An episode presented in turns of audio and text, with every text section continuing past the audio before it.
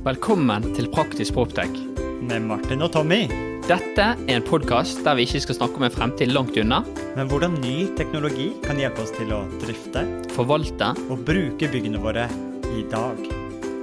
Vi vil vise deg de beste eksemplene fra innlandet Og fra utlandet. om hvordan sensorikk, teknologi og bygg henger sammen. Så let's go! Tommy, i dag er jeg litt nervøs. Eh, For vi har faktisk med oss en rutinert podcast-host som eh, gjest her i studio. En som faktisk har publisert flere podcast-episoder enn oss. Men eh, hvis vi snur litt på det, da, og så tar vi litt sånn eh, amerikansk TV-show-versjon, der vi får gjestene til å være, hjelpe oss å være hoster, så kanskje vi skal, dette skal være en litt sånn spesialepisode, eh, og der kanskje vi snur rundt på hele stykket, Martin. Ja, At vi får gjesten til å innta rollen som host. Så Anders Brekke, brother from another podcast, eh, hosten fra Proptech Innovation. Kanskje du har lyst til å ønske velkommen til dagens episode? Hjertelig velkommen til nok en episode av alle sin, spesielt min favoritt-Proptech-podkast, Praktisk Proptech! I dagens episode skal vi bli godt kjent med forvalteren på bygget og gjøre kjennskap med et eiendomsteknologiselskap som vil revolusjonere og forenkle måten man innhenter tilbud, kjøper og administrerer avtaler med underleverandørene på bygget vårt. Jeg kan ikke tenke meg et mer spennende tema, eller hva sier dere, Tommy og Martin? Wow. Nei, men dette, her, dette, dette blir jo veldig bra. Og, og for å belyse problemstillingen, eh, løsningen, så var det veldig kjekt å, å få lov å invitere dere to inn her med det brennheite nye selskapet Really! utropstegn.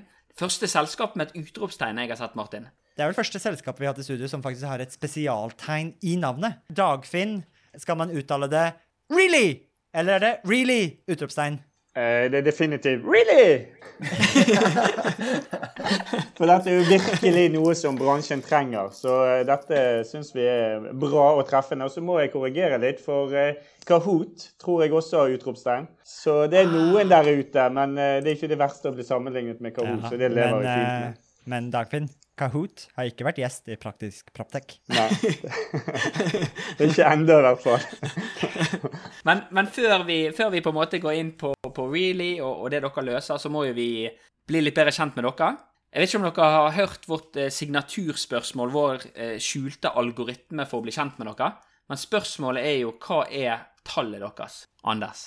Ja, Hva som er tallet mitt? Uh, Ja. Nei, det er 20. 20. Fortell. Ja, det var jo 20 eh, podkastepisoder. Eller eh, Nei, i så tilfelle så kan jeg heller si eh, 7560. Oh, Oi. antall lyttere av Proptech Innovation? Ja. det, Wow! Det- Jeg følte det var mye vi må strekke oss til her, Martin. altså. men det, var, det er riktignok uh, Har jo holdt på ganske lenge, eh, og det er jo fordelt på disse 20 episodene, så det skal ikke være så høy. Det er noen som har hørt på litt, i hvert fall. Da- Dagfinn, hva er ditt eh, magiske tall? Ja, nå har jeg fått tid til å tenke litt, og eh, jeg tror mitt tall må være 3.01. Ja, jeg løp min første eh, maraton på tiden 3.01, og det syns jeg er sterkt. wow. Det det er imponerende. Det var en bra snikskryt, eh, Dagfinn, syns Ja, jeg. jeg tenkte jeg måtte følge opp eh, snikskrytet til Anders på podkastingen. Og, og Dagfinn, du kan vel bekrefte at det er, er både imponerende og lenge siden? Det er helt riktig.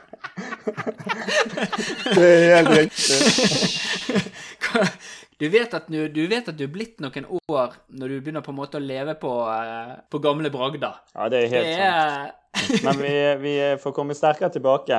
Men um, det som er litt gøy å sitte her i studio med oss fire, er jo at uh, jeg og Tommy tenker oss selv som uh, the prop and the tech. Så en med litt eiendoms, eiendomsbakgrunn og en med litt teknologibakgrunn. Hvordan beskriver dere deres eh, samarbeid, eh, gründersamarbeid? Har dere et, eh, to ord som slås sammen til å beskrive? Nei, men vi har jo eh, kjøpmannen og tømreren. For det er jo det vi, det er jo det vi egentlig er. Vi har jo et forslag, da. Vi har sagt Finnpropp. Finnpropp, ja. Hva i all verden? Hva tenker du, Martin? Eh, det er fintech, men her har vi da kjøpmannen, økonomibakgrunnen til, eh, til Anders. Økonomen, business developeren, og så eiendomsbakgrunnen, property, til eh, Dagfinn. Du har vel starta et driftsselskap som nå er kjøpt opp av Bob? Finn Propp. Ja, jeg likte Ja, den. eh, lever fint, den. Men, men dere har jo på en måte en litt eh, kul bakgrunn, for dere er jo Dere har jo på en måte to forskjellige kunnskapsbakgrunner. Der, der, for Etter mitt syn så er jo på en måte Dagfinn den med solid driftskompetanse og har forvaltet bygg. Eh, vært i en av de største eh, forvaltningshusene eller eiendomshusene. Eh, mens, mens Anders har litt mer Du har jo vært kjøpmann før du ble forretningsutvikler? Stemmer ikke det? Stemmer det. Kjøpmann og så ble konsulent eller innenfor forretningsutvikling og strategi. Og så havnet jeg, jeg havnet jo i eiendomsbransjen helt tilfeldig. Jeg fikk boligbyggelaget Bob som kunde.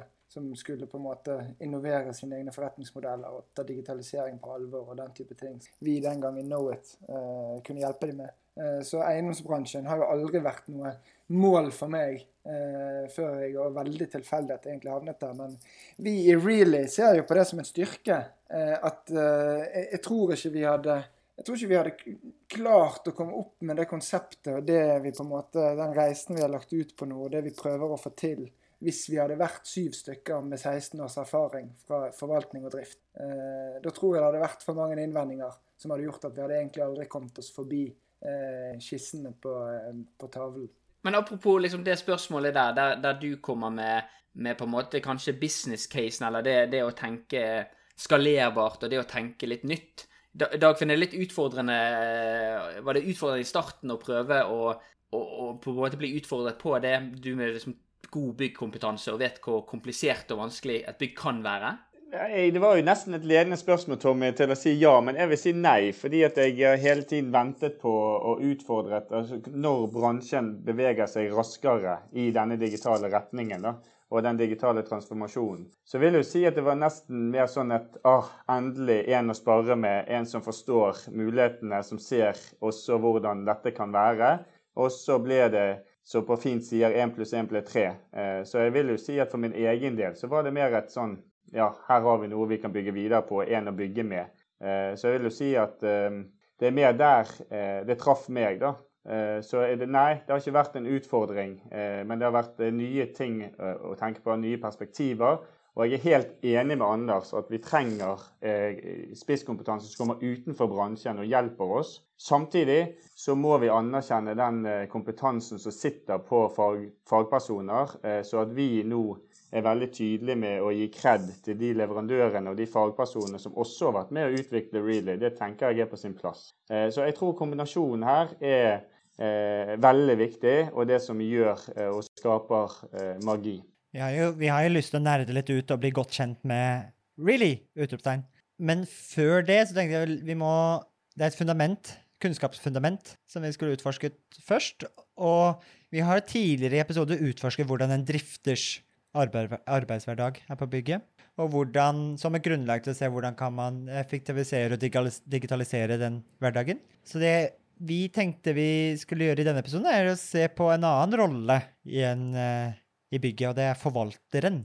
Som kanskje sitter et eh, ja, hvis, man, hvis det er et hierarki, et steg opp. Um, og kanskje dere kunne hjelpe oss med å beskrive en forvalters hverdag, utfordringen de står overfor, og begynne å skissere det bildet. Hvordan kan vi bidra til å digitalisere og ta med eiendomsteknologi inn i dem sin arbeidshverdag? Så en god start. Hva er en forvalter, og hva er en forvalter via vi en drifter? En forvalter det er jo en som gjør noe på vegne av et annet, en annen eh, person eller et selskap. En forvalter er jo ofte en daglig leder i et eiendomsselskap, så han gjør jo eh, jobben i administrasjonen til selskapet og rapporterer til styret eller eh, eier, da, gårdeier. Så er det sånn at Forvaltning er også delt inn i tre hovedkategorier, som er administrativ forvaltning, som handler om utleiekontrakter, lov og den type aktiviteter. Eh, og så er det teknisk forvaltning, som handler om alt det tekniske på bygget. Alt fra alle driftsavtaler, koordinere de, inngå riktige avtaler. Og se til at det vi kaller driftshjulet, da, man kan gjerne kalle det går, og at det er smurt. Og så har man den økonomiske forvaltningen, som handler om finans og, og, og, og se til at finanskostnader og alt dette er på stell. Så det er jo en samlet rolle. En utrolig kompleks rolle, eh, som blir mer og mer kompleks. Og bare innenfor teknisk forvaltning så er det ekstremt mye du skal ha kontroll på Alt fra brannvernforskriften, internkontrollforskriften, til det mer operative. Eh, går ventilasjonsanlegget? Går heisen? Eh, har jeg riktige avtaler? Har jeg avtaler på det som er lovpålagt at jeg har avtaler på? Felleskostnadene til bygget skal fordeles på en fornuftig måte. Så, så, så det er en kjempekompleks rolle.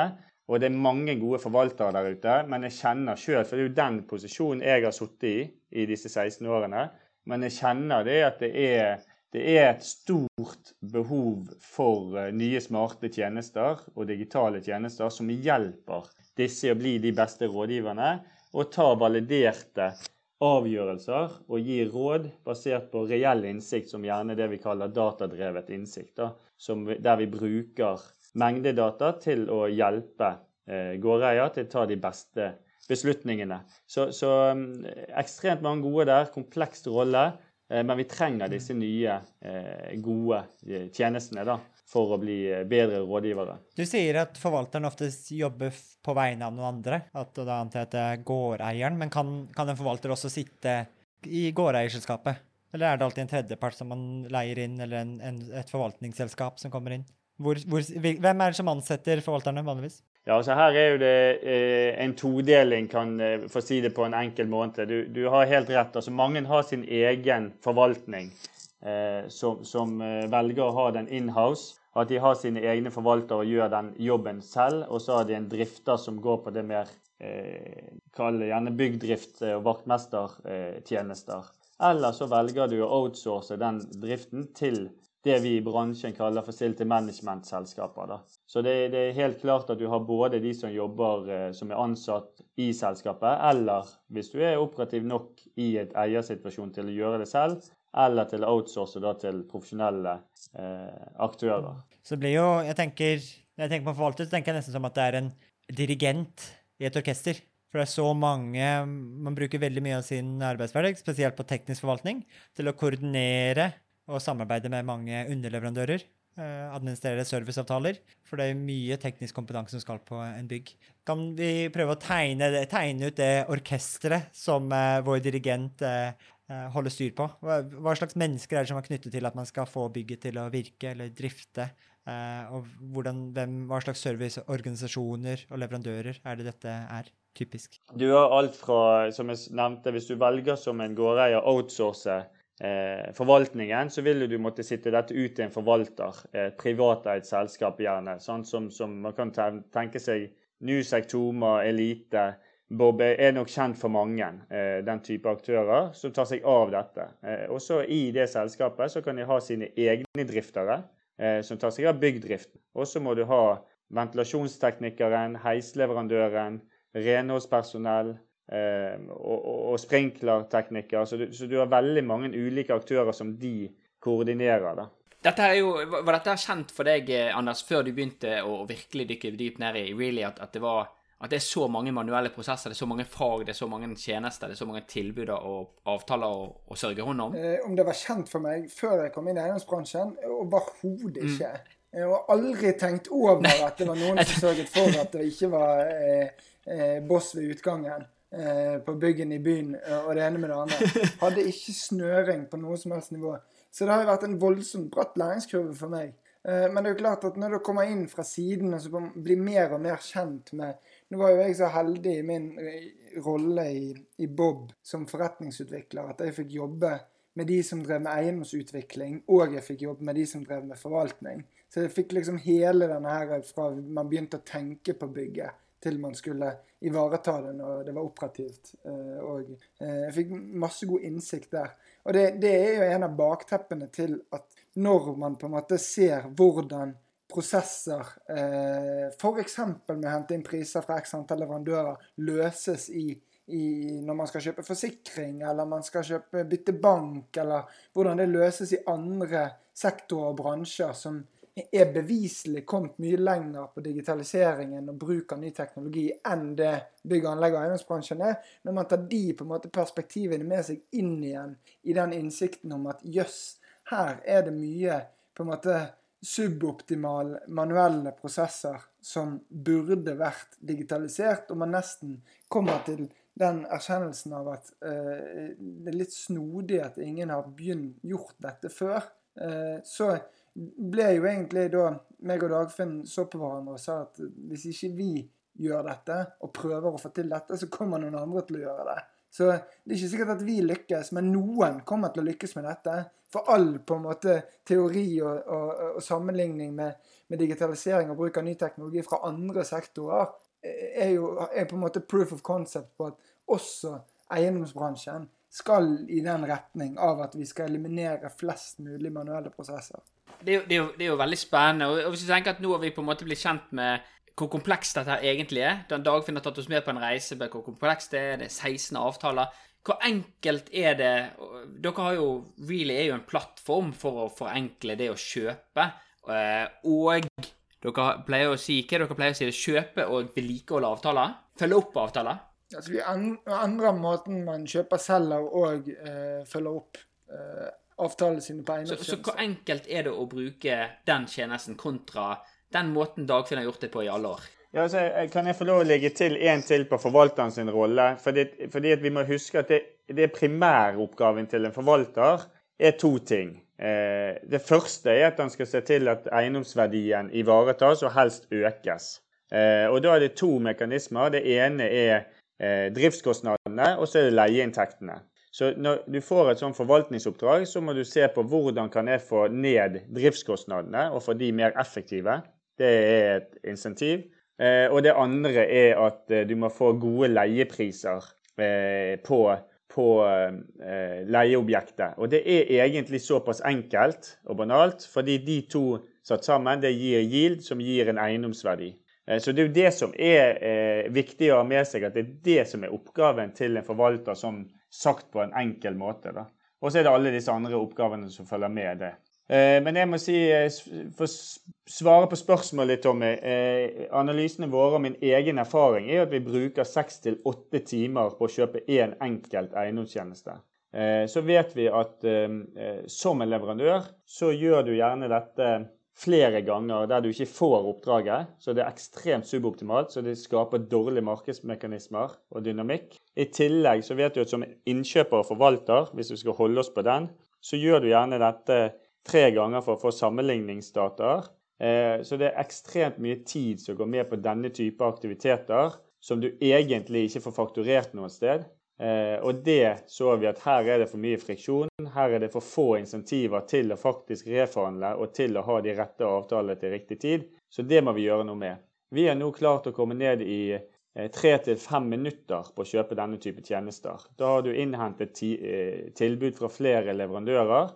Eh, du har fått lest litt om hvilke kvaliteter de har i forhold til bærekraftsfokus, i forhold til sertifiseringer. Hvem er de? Gjort deg kjent med det, og faktisk også bestilt tjenesten. Eh, og når du har gjort det, så, så lagres dokumentet på din side automatisk. Så eh, sett i forhold til hvordan jeg er vant til å jobbe, Tommy, så må jeg si at dette er en eh, som løfter eiendomsforvaltning til et helt nytt nivå, og du kan bli veldig, veldig, veldig mye mer effektiv. Så det er tilbake til det andre sa. Fjerne manuelle prosesser, automatisere, standardisere, og også bruke teknologi da, til, å, til å hjelpe oss på, på den reisen. Men ta oss tilbake ni måneder, eller kanskje ikke sagt ta oss tilbake ni måneder pluss tre måneders oppsigelsestid, når dere bestemte dere. Og nå sier vi opp jobben, og så kjører vi på med Really. Hva, hva, hva, var den realisjonen at OK, her, vi, her er vi på nå? Eh, hva var tankeprosessen da? Jeg har lyst til å spole enda mer tilbake, Martin. Fordi at uh, det var sånn at, uh, som Tommy sa innledningsvis, så kjøpte Bob da Befas og Bergen eiendomsforvaltning, som jeg jobbet i. Ganske parallelt med det så skjønte Terje Gilje, som daværende konsernsjef i Bob, at vi må gjøre noe med forretningsmodellen vår og hvordan vi driver selskaper som Bob BBL. Eh, fordi at det skjer så masse med forretningsførsel. Vi må være på vakt og se til at vi snur oss raskt nok i forhold til denne transformasjonen. Eh, da gikk de til Knowit, og der jobbet Anders. Og kort tid etterpå så ansatte Bob Anders. Så var vi to så grådig heldige at vi ble tatt med på en innovasjonsreise i Bob. Hvor vi var rundt omkring eh, og så på hvordan andre gjorde det, og lærte oss teknologi. Og, og, og lærte hvordan andre bransjer hadde blitt endret av, av dette. da. Eh, så vi var i Silicon Valley, vi var i New York, vi var i, i Silicon Valley, som er Israel sin proptech-by, nærmest, eh, utenfor eh, Altså der. Og så og ble ekstremt inspirert, tok dette med oss hjem.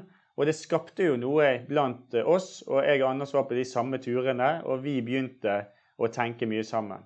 Vi hadde masse spennende på gang i Bob, fikk gjort masse sammen med Bob. Så ble det sånn at, at vi tenkte da at uh, skal vi være og ha de rollene vi har nå, eller skal vi gå all in med dette? Så vi hadde en utrolig fin utgang av Bob. Var åpen og ærlig med hverandre og transparent på at nå er tiden moden for at vi går ut til vårt, og dere fortsetter uh, med det dere gjør, holdt jeg på å si, og finner erstattere til oss. For jeg tror det er det beste for alle. Så Bob er med på plattformen som en tjenesteleverandør, det er vi veldig glad for. Så til spørsmålet hva skjedde når vi eh, gikk ut for ni måneder, tre eh, måneder siden. Eh, da hadde vi tre initiativer som egentlig kulminerte ut i dette initiativet her. Vi hadde eh, datadreven forvaltning, som vi jobbet med. Vi hadde noe som het Godt håndverk, som var egentlig å, å, eh, å lage en app for bestilling av håndverkstjenester. Fant ut at det var litt for mye i gaten til mitt anbud og Schibsted.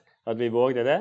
Og så hadde vi et annet konsept som jeg tror ikke vi skal dele her, for det er så spennende at vi kanskje gjør det etter vi er ferdig med Really. Hvem vet? Og så i hvert fall, så tok vi med oss alt dette her, samlet i en boks, sa opp jobben, og så gikk vi til Stein Oppsal, som i dag er styreleder. Så spurte vi dette er det dummeste vi har gjort, eller hva tenker du? Og han sier dette er veldig smart, jeg vil være med, så prøv å få plass til meg. Så det var første vi fikk med på laget, og han er jo en seniorkompetanse som har vært med på veldig mye som gjorde til at vi fikk inn en designer eh, og en eh, tech-utvikler med ekstremt høy kompetanse. Så ganske tidlig så fikk vi satt ned et eh, team som vi hadde troen på, og som vi begynte da å leke sammen med. Så det var den tidlige fasen. Så når vi begynte da i, i 1.9.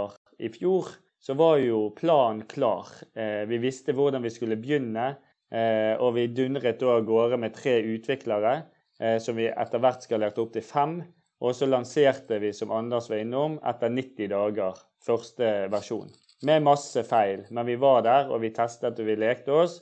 Og fikk med oss 17 leverandører fra første spadetak på, på tilbudssiden. Det er jo det, det, er veldig spennende. Og nå har jo vi på en måte hatt med oss lytterne på en, en, en reise der vi har snakket om really, eh, uten å helt forklart essensen sånn skikkelig. For vi har fortalt at, at forvalteren skal ta seg av masse avtaler. Du brukte seks til åtte timer med å, og mest sannsynlig da ha befaringer, finne de riktige, vise de rundt, ta imot tilbud. Sørge for at du sammenlignet epler mot epler, pærer mot pærer. Hva, hva, er det brukeren gjør? Martin har jo nylig brukt tjenesten eh, på sitt borettslag. Så eh, hva, er det, hva, er det, brukeren gjør på, for å f.eks. finne den beste renholdsavtalen for seg? Ja, vi, vi, har latt oss inspirere f.eks. av hypotesen vår om at eh, det er jo snodig at du kan bygge din egen Tesla på tre minutter og kjøpe den og bestille den. Eh, men skal du ha trappevask i borettslaget, så krever det på en måte eh, at man setter av en uke. For man skal gjennomføre fem befaringer, og noen skal komme ut der og gå den samme runden sammen med deg fem forskjellige ganger, for så å gå tilbake og punche det inn i kalkulasjonssystemet og gi et tilbud og krysse fingrene der fire av de kommer til å bli skuffet, for man kan bare velge en leverandør. Så det var på en måte noe veldig suboptimalt med, med hvordan det, det, gjøres i dag. Så vi, altså Målet vårt er jo å gjøre ting enklere ved hjelp av ny teknologi. For å hjelpe da kundene med å bli mer effektive og oppnå større verdi, men også leverandøren. Veldig opptatt av det òg, at vi, vi, skal på en måte vel så mye verdiskapning på leverandørsiden. Eh, og vi startet med kjøp og salg og befaring, nå har vi snakket en del om det, bl.a. disse fire til seks timene, men grunnen til at vi startet der, var at det første vi gjorde når vi begynte 1.9., var å ha, gjennomføre 46 dybdeintervjuer med forskjellige typer bestillere. Alt fra gårdeiere til driftere til vaktmestere til styreleder i borettslag, for å på en måte kartlegge hvor er smerten størst. Så for at vi skal bygge dette, så må vi begynne der smerten er størst. Og det var irritasjonen rundt befaringsdelen. Både på leverandørsiden, at man brukte mye tid på det uten å vite at man fikk det oppdraget. Og på bestillersiden òg var det liksom pain in the ass, at man måtte, tok så mye tid på det. Samtidig så er det litt sånn at man blir jo da prisgitt at man må ta den avtalen leverandøren kommer med. Så hvordan står den seg rent sånn juridisk i forhold til mine plikter som bestiller osv. Så, videre. så vi tar det sammen med Tesla-eksempelet. Så sier vi OK, la oss standardisere. da, La oss sørge for at det er en balansert avtale. Eh, så der begynte vi på en måte med standardiseringen. og eh, forenklingen og balanserte avtaler. Så rent praktisk nå, hvis man går inn på siden i løsningen, så har vi prøvd å gjøre det så lite at bestilleren må vite lite som mulig for å kunne få tilbud på sine behov. Altså Basert på at vi har prøvd å gjøre det så lett som mulig og skrellet ned. Eksempelvis på renhold må man vite arealene i alle de forskjellige rommene i dette næringsbygget på 3000 kvadratmeter? Eller holder det å vite at bygget er 3000 kvadratmeter, og så og så mange er, er fliser i inngangspartiet, og så og så mye tepper i resten? Og så prøv det på en måte godt Prøv å tette det gapet da, mellom hva man kan forvente at brukeren eller bestilleren vet og kan, til hva leverandøren faktisk trenger for å kunne gi en pris. Så nå har vi kommet ned til at fyller man inn adressen sin og en, en del parametere, fem, seks, syv, kommer litt an på ulik tjeneste, eh, parametere som skal være lett å finne for en bestiller, eh, eller få tak i, så skal man da kunne autogenerere tilbud der og da eh, fra x antall leverandører som ønsker å levere på, på akkurat den leveransen i det området. Ja, det er jo, jeg er jo midt i en prosess nå, som en bruker av Really, med, med borettslaget hvor jeg sitter i styret her i, i Oslo, og vi trenger nye ny renholdstjenester. Og sånn sett så er jo det Nå er vi ikke helt i mål enda, men opplevelsen har jo vært veldig smooth, hvis jeg kan bruke godt norsk ord til å beskrive, beskrive reisen så langt. Um, for det, i motsetning til om at nå har vi fått inn Vi har vel fått fire tilbud på Really. Det tok noen minutter. Måtte måle opp noen oppganger, for vi skal ha oppgangsvask. Eh, så tok jeg en lasermåler og målte opp liksom, arealet på en typisk oppgang, ganget opp med 19 oppganger, eh, fem etasjer. Eh, det var den informasjonen man trengte. Så fikk vi tilbud da fra fire forskjellige tilbudere. Og så samtidig, parallelt, da, så hadde vi henta inn eh, på den gamle måten hadde Vi fått, vi får jo e-poster hele tida på den styrelista i borettslaget fra renholdsleverandører, eh, med både det ene navnet og det andre navnet. Så man vet ikke helt om er dette her en leverandør som betaler eh, sine arbeidstakere ordentlig. Er dette en leverandør som har god forretningsskikk? Og at man må ta en time av sin arbeidshverdag til å være til stede og ta en befaring med dem. Så Det er også en tidsaspekt. Så det er på en måte den som en uprofesjonell innkjøper, som er borettslag her, vi er jo bare frivillige i styret, så har det vært en um, god opplevelse så langt. Jeg tok jo jeg tok dette opp i et styremøte um, en stund tilbake. Fikk, da kom jo Anders også inn i styremøtet og presentere det, for jeg ville ikke bare kjøre på med eiendomsteknologi inn i et borettslagsstyre uten at jeg har fått det forankret. Så da tenkte jeg ok, da får vi Anders til å presentere til styret, og så kan måte, vi ta en sunn debatt. Og det viktigste poenget, da tror jeg, det var jo nesten litt kundeinnsikt for dere òg, da fikk jeg jo noen tilbakemeldinger der, at den største verdien Bortsett fra at det var liksom en gang hvert fjerde år når vi skal hente ny renholdstilbud. Største verdien var at når man får utskiftninger av styret, at vi har én plass til å håndtere alle våre serviceavtaler, eh, og veldig enkelt, regelmessig gjøre eh, markedssjekk eh, på avtalene våre. For det vi har funnet ut, er at sannsynligvis har vi betalt ganske mye mer enn vi har trengt de siste par årene i borettslaget. Nå skal vi se hva det endelig ender på med Really, men det ser ut som det fort kan være en brøkdel vi betaler nå fremover enn det vi har gjort før. Ja, og så Hvis jeg bare får legge til, Martin, så punkterte jo dere også noe veldig viktig i det møtet, som var at uh, vi sier, har jo sagt hele tiden at vi skal prekvalifisere leverandørene, at det skal være ordentlige leverandører. Og Dette var jo noe dere var opptatt av. var at ja, Hvordan vet vi at de leverandørene hos dere betaler tariff og betaler skatt og har liksom ordnede forhold. Mens dette har jo vi hele tiden satt som en selvfølge. For de leverandørene vi har fått med, de har jo vi vettet eh, og sjekket. Og det er jo et krav for å få lov til å komme med på Really-plattformen. Og vi har jo sagt nei til flere, faktisk, allerede. Eh, men vi var jo da ikke tydelige nok til å få, få dette frem på plattformen til, til dere. At dere på en måte forsto verdien av den prekvalifiseringen som vi hadde gjort, som var veldig nyttig for oss. Så det var en god opplevelse. Det Det blir jo veldig viktig når styreleder jobber i LO. Eh, At når vi kjøper eh, Når vi innhenter tilbud og kjøper eh, serviceavtaler, at vi har sørger for gode arbeidsforhold. Jeg vet, han, blir, han, blir jo, han blir jo hevet ut fra borettslaget og arbeidsledig han, hvis, dette, hvis han treffer feil. Og så er det noe interessant du sier, Martin. fordi vi er nok vært for dårlige til å kommunisere akkurat den gevinsten at du får samlet ting ett sted. sant? Altså I et borettslag som bytter ofte personell eller ansvarlig, eh, så ligger det der. Men det er akkurat det samme som skjer på et næringsbygg. Eh, man skulle kanskje ikke trodd det, men det brukes ufattelig mye tid på vedlikehold av dokumentasjon. Så før tilsyn med brannvesenet f.eks., så er mange armer og bein. Hvem har siste rapporten? Hvem har siste avtalen? Og eh, her skal ikke, Jeg tror ikke jeg kaster noen forvalter under bussen, men det er, det er her også for dårlige systemer. For det, det er så lett egentlig med teknologi i dag, hvis du sitter i system, å flytte de datapunktene inn på din avtale eh, og din side.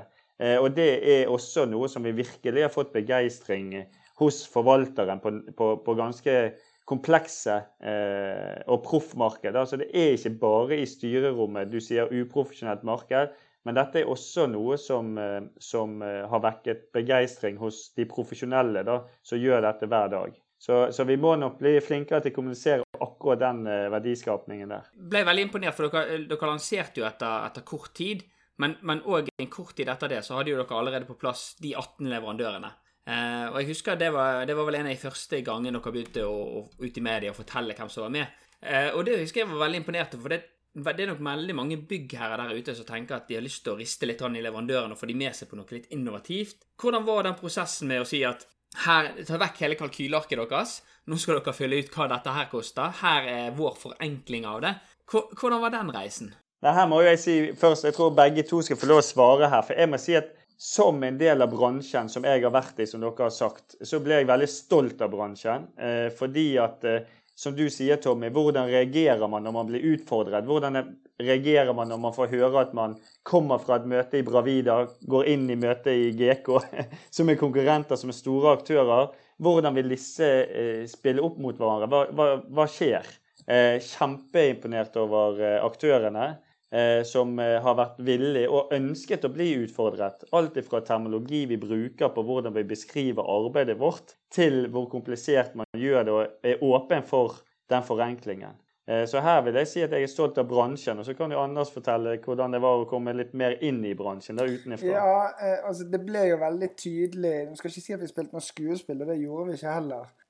Men det er jo sånn bad cop, nice cop, eller hva det heter. Men det ble jo litt sånn at det, man kommer veldig langt med å spille idioten i rommet og stille alle spørsmålene. Og si sånn at når du får en prisliste på seks ark på ventilasjonsanlegg, der forskjellen på prisen på service på den billigste til den dyreste ikke er all verden, så er det litt sånn hvordan i all verden skal du forvente at jeg som kunde skal kunne ta stilling til hva jeg bør velge eh, i dette kompendiumet av ulike leveranser. Eh, så eh, da er vi på en måte tilbake igjen til, til Tesla-bilen, da. Ja, OK, her er det tre pakker. Skal du ha den heftige, eller den i midten, eller den lette? Det er egentlig samme bil du får uansett. Eh, bare litt forskjellig eh, programvare. Så jeg, jeg, er jo enig med Dagfinn. Det der var jo noe av det gøyeste vi egentlig gjorde.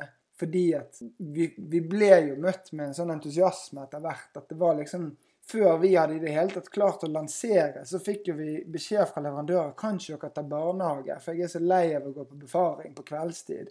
Og så fikk vi beskjed kan ikke dere ta hotellet, da kan vi gjøre det sånn. Og hva med disse?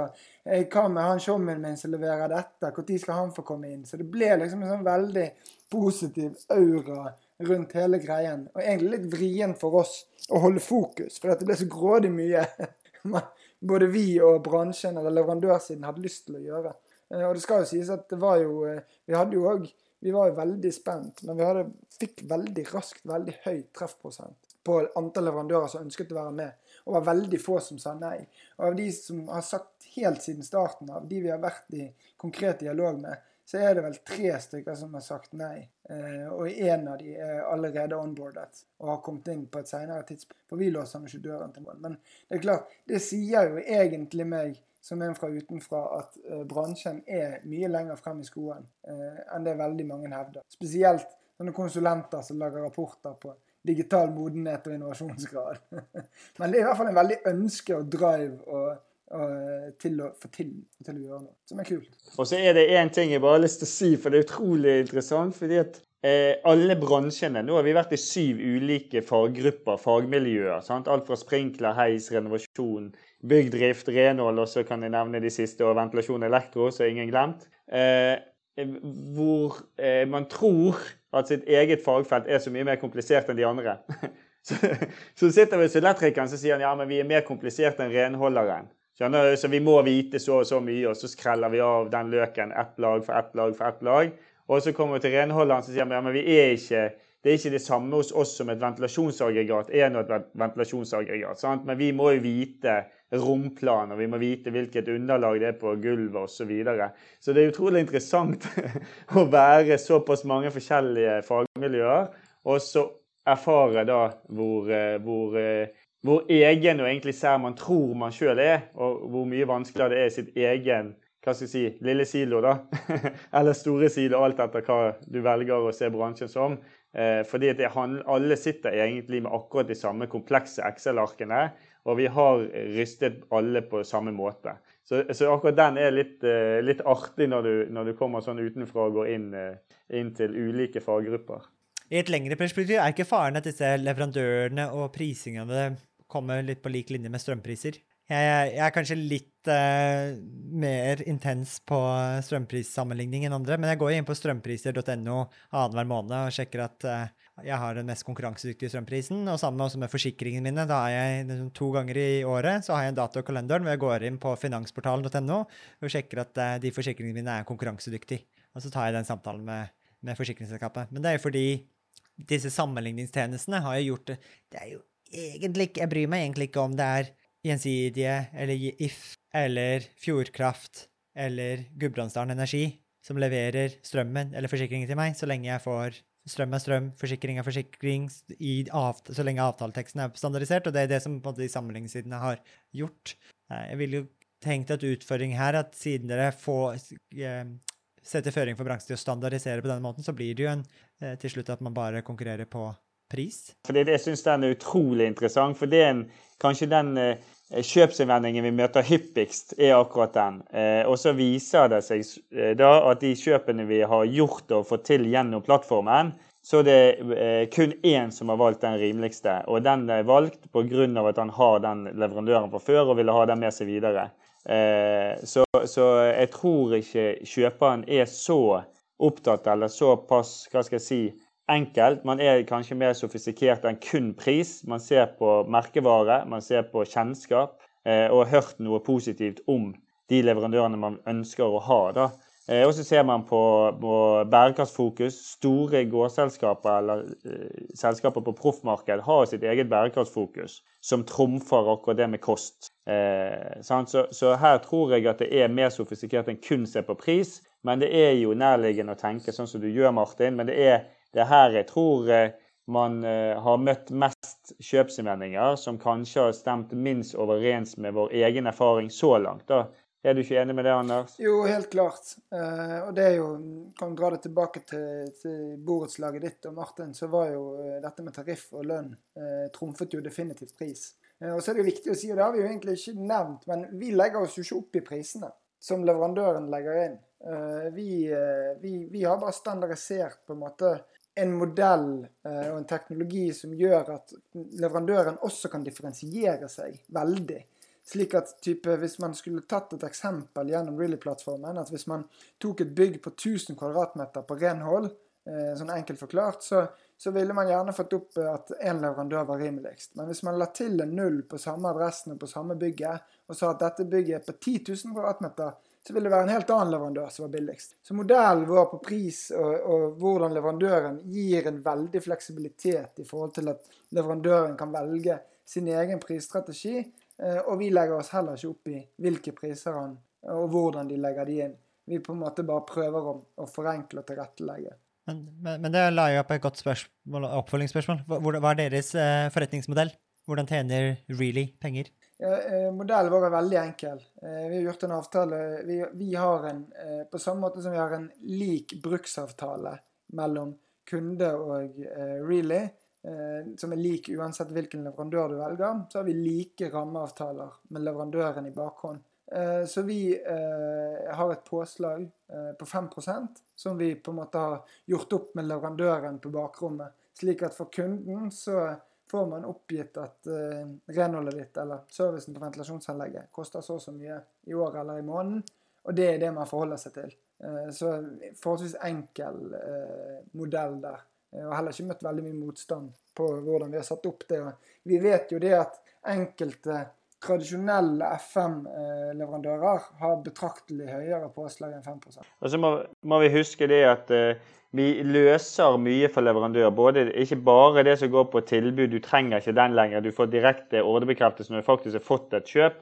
Men du, du, vi tar oss også av forenkler faktureringen. Så vi har en leverandør som har gått til kunden og spurt kanskje du heller eh, kjøpe gjennom Relay, for det er lettere for min administrasjon.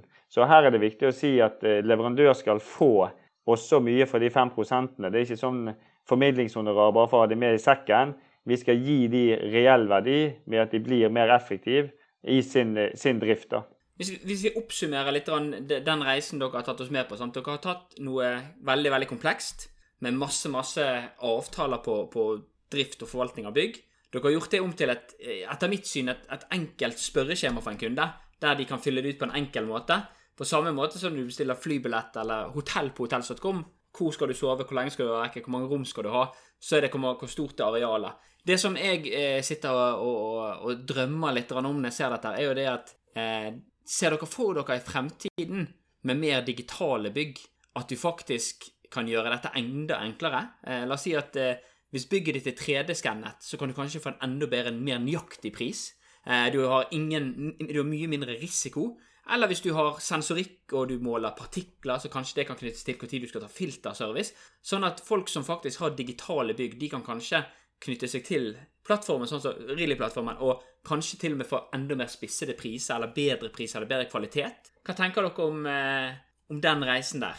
Ja, jeg, jeg, tenker definitivt at eh, vi kommer der. Og det, det, det er utrolig spennende, Tommy. Og her har jo både du og Martin mye kompetanse fra det dere jobber med til dagen.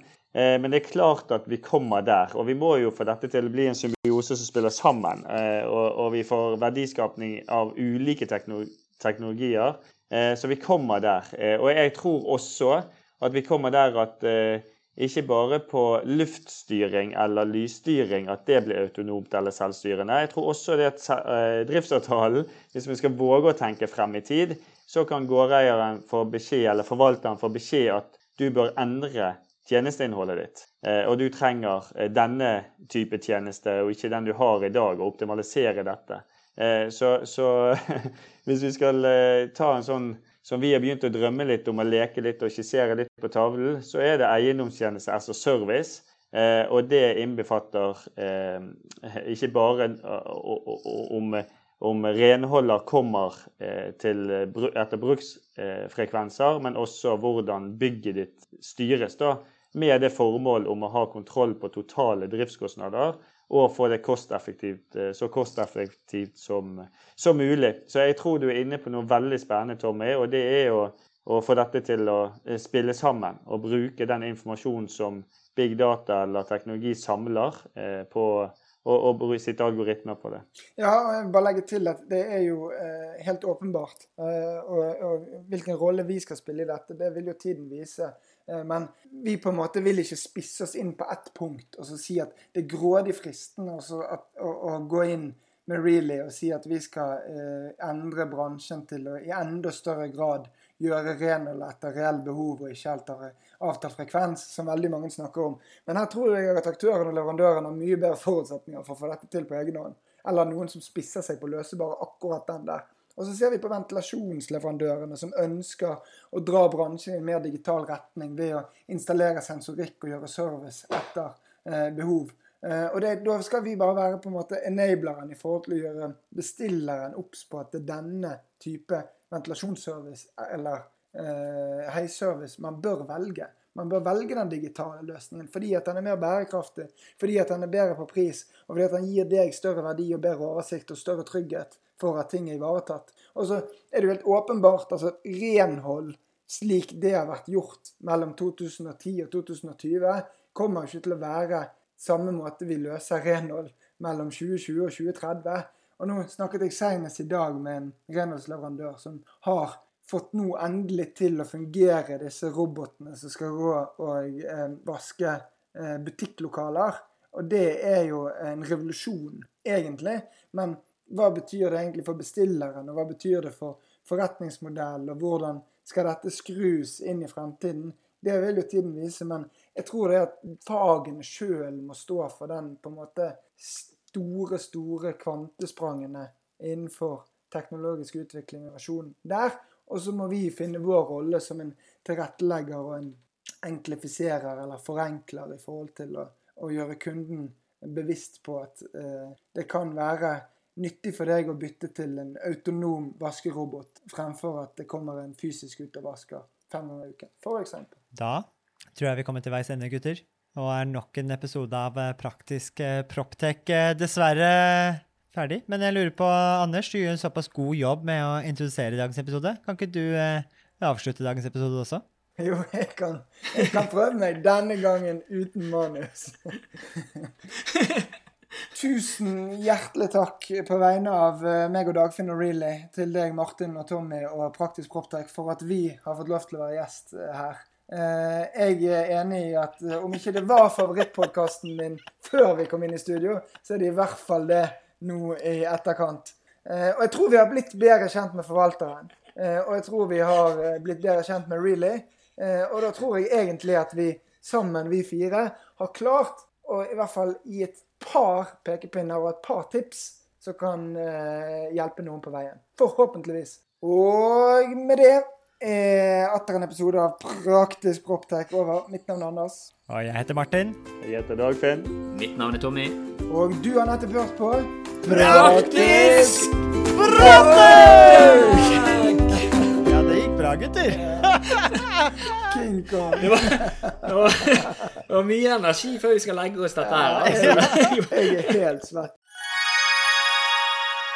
Da dere er 2024 i gang, og et av høydepunktene på starten av året er jo sett sammen et årshjul, og det har vi også gjort, Tommy. Ja, Akkurat nå sitter jeg og ringer rundt 25. og 26. april, for da skal vi på FTV-kongressen. Og det blir litt ekstra spesielt i år, Martin.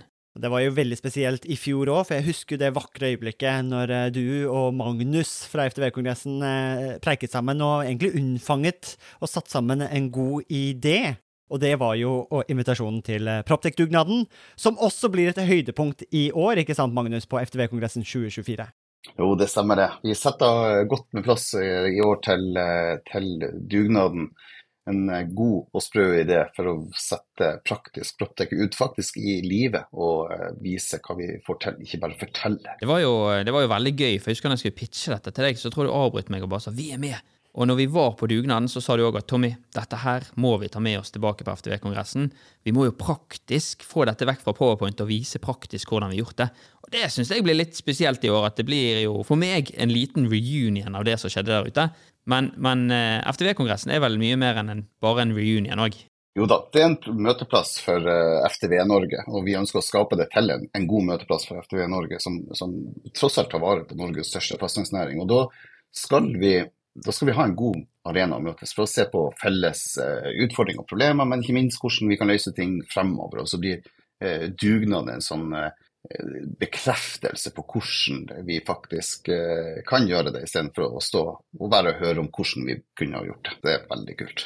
Og januar er jo en gavemild måned, så hvis du brenner for bedre drifting av bygg, så kan du få med deg en liten rabattkode her også, så møtes vi kanskje 25.-26. april på Tung kongress Gardermoen. Og den rabattkoden er ikke vanskeligere enn Praktisk Proptech med små bokstaver og uten mellomrom. Praktisk Proptech. Praktisk Proptex små bokstaver, ingen mellom ett ord. ftvkongressen.no, der ser du programmet. Det blir oppdatert i disse dagene, og så møtes vi i april. Vi ses! Vi ses!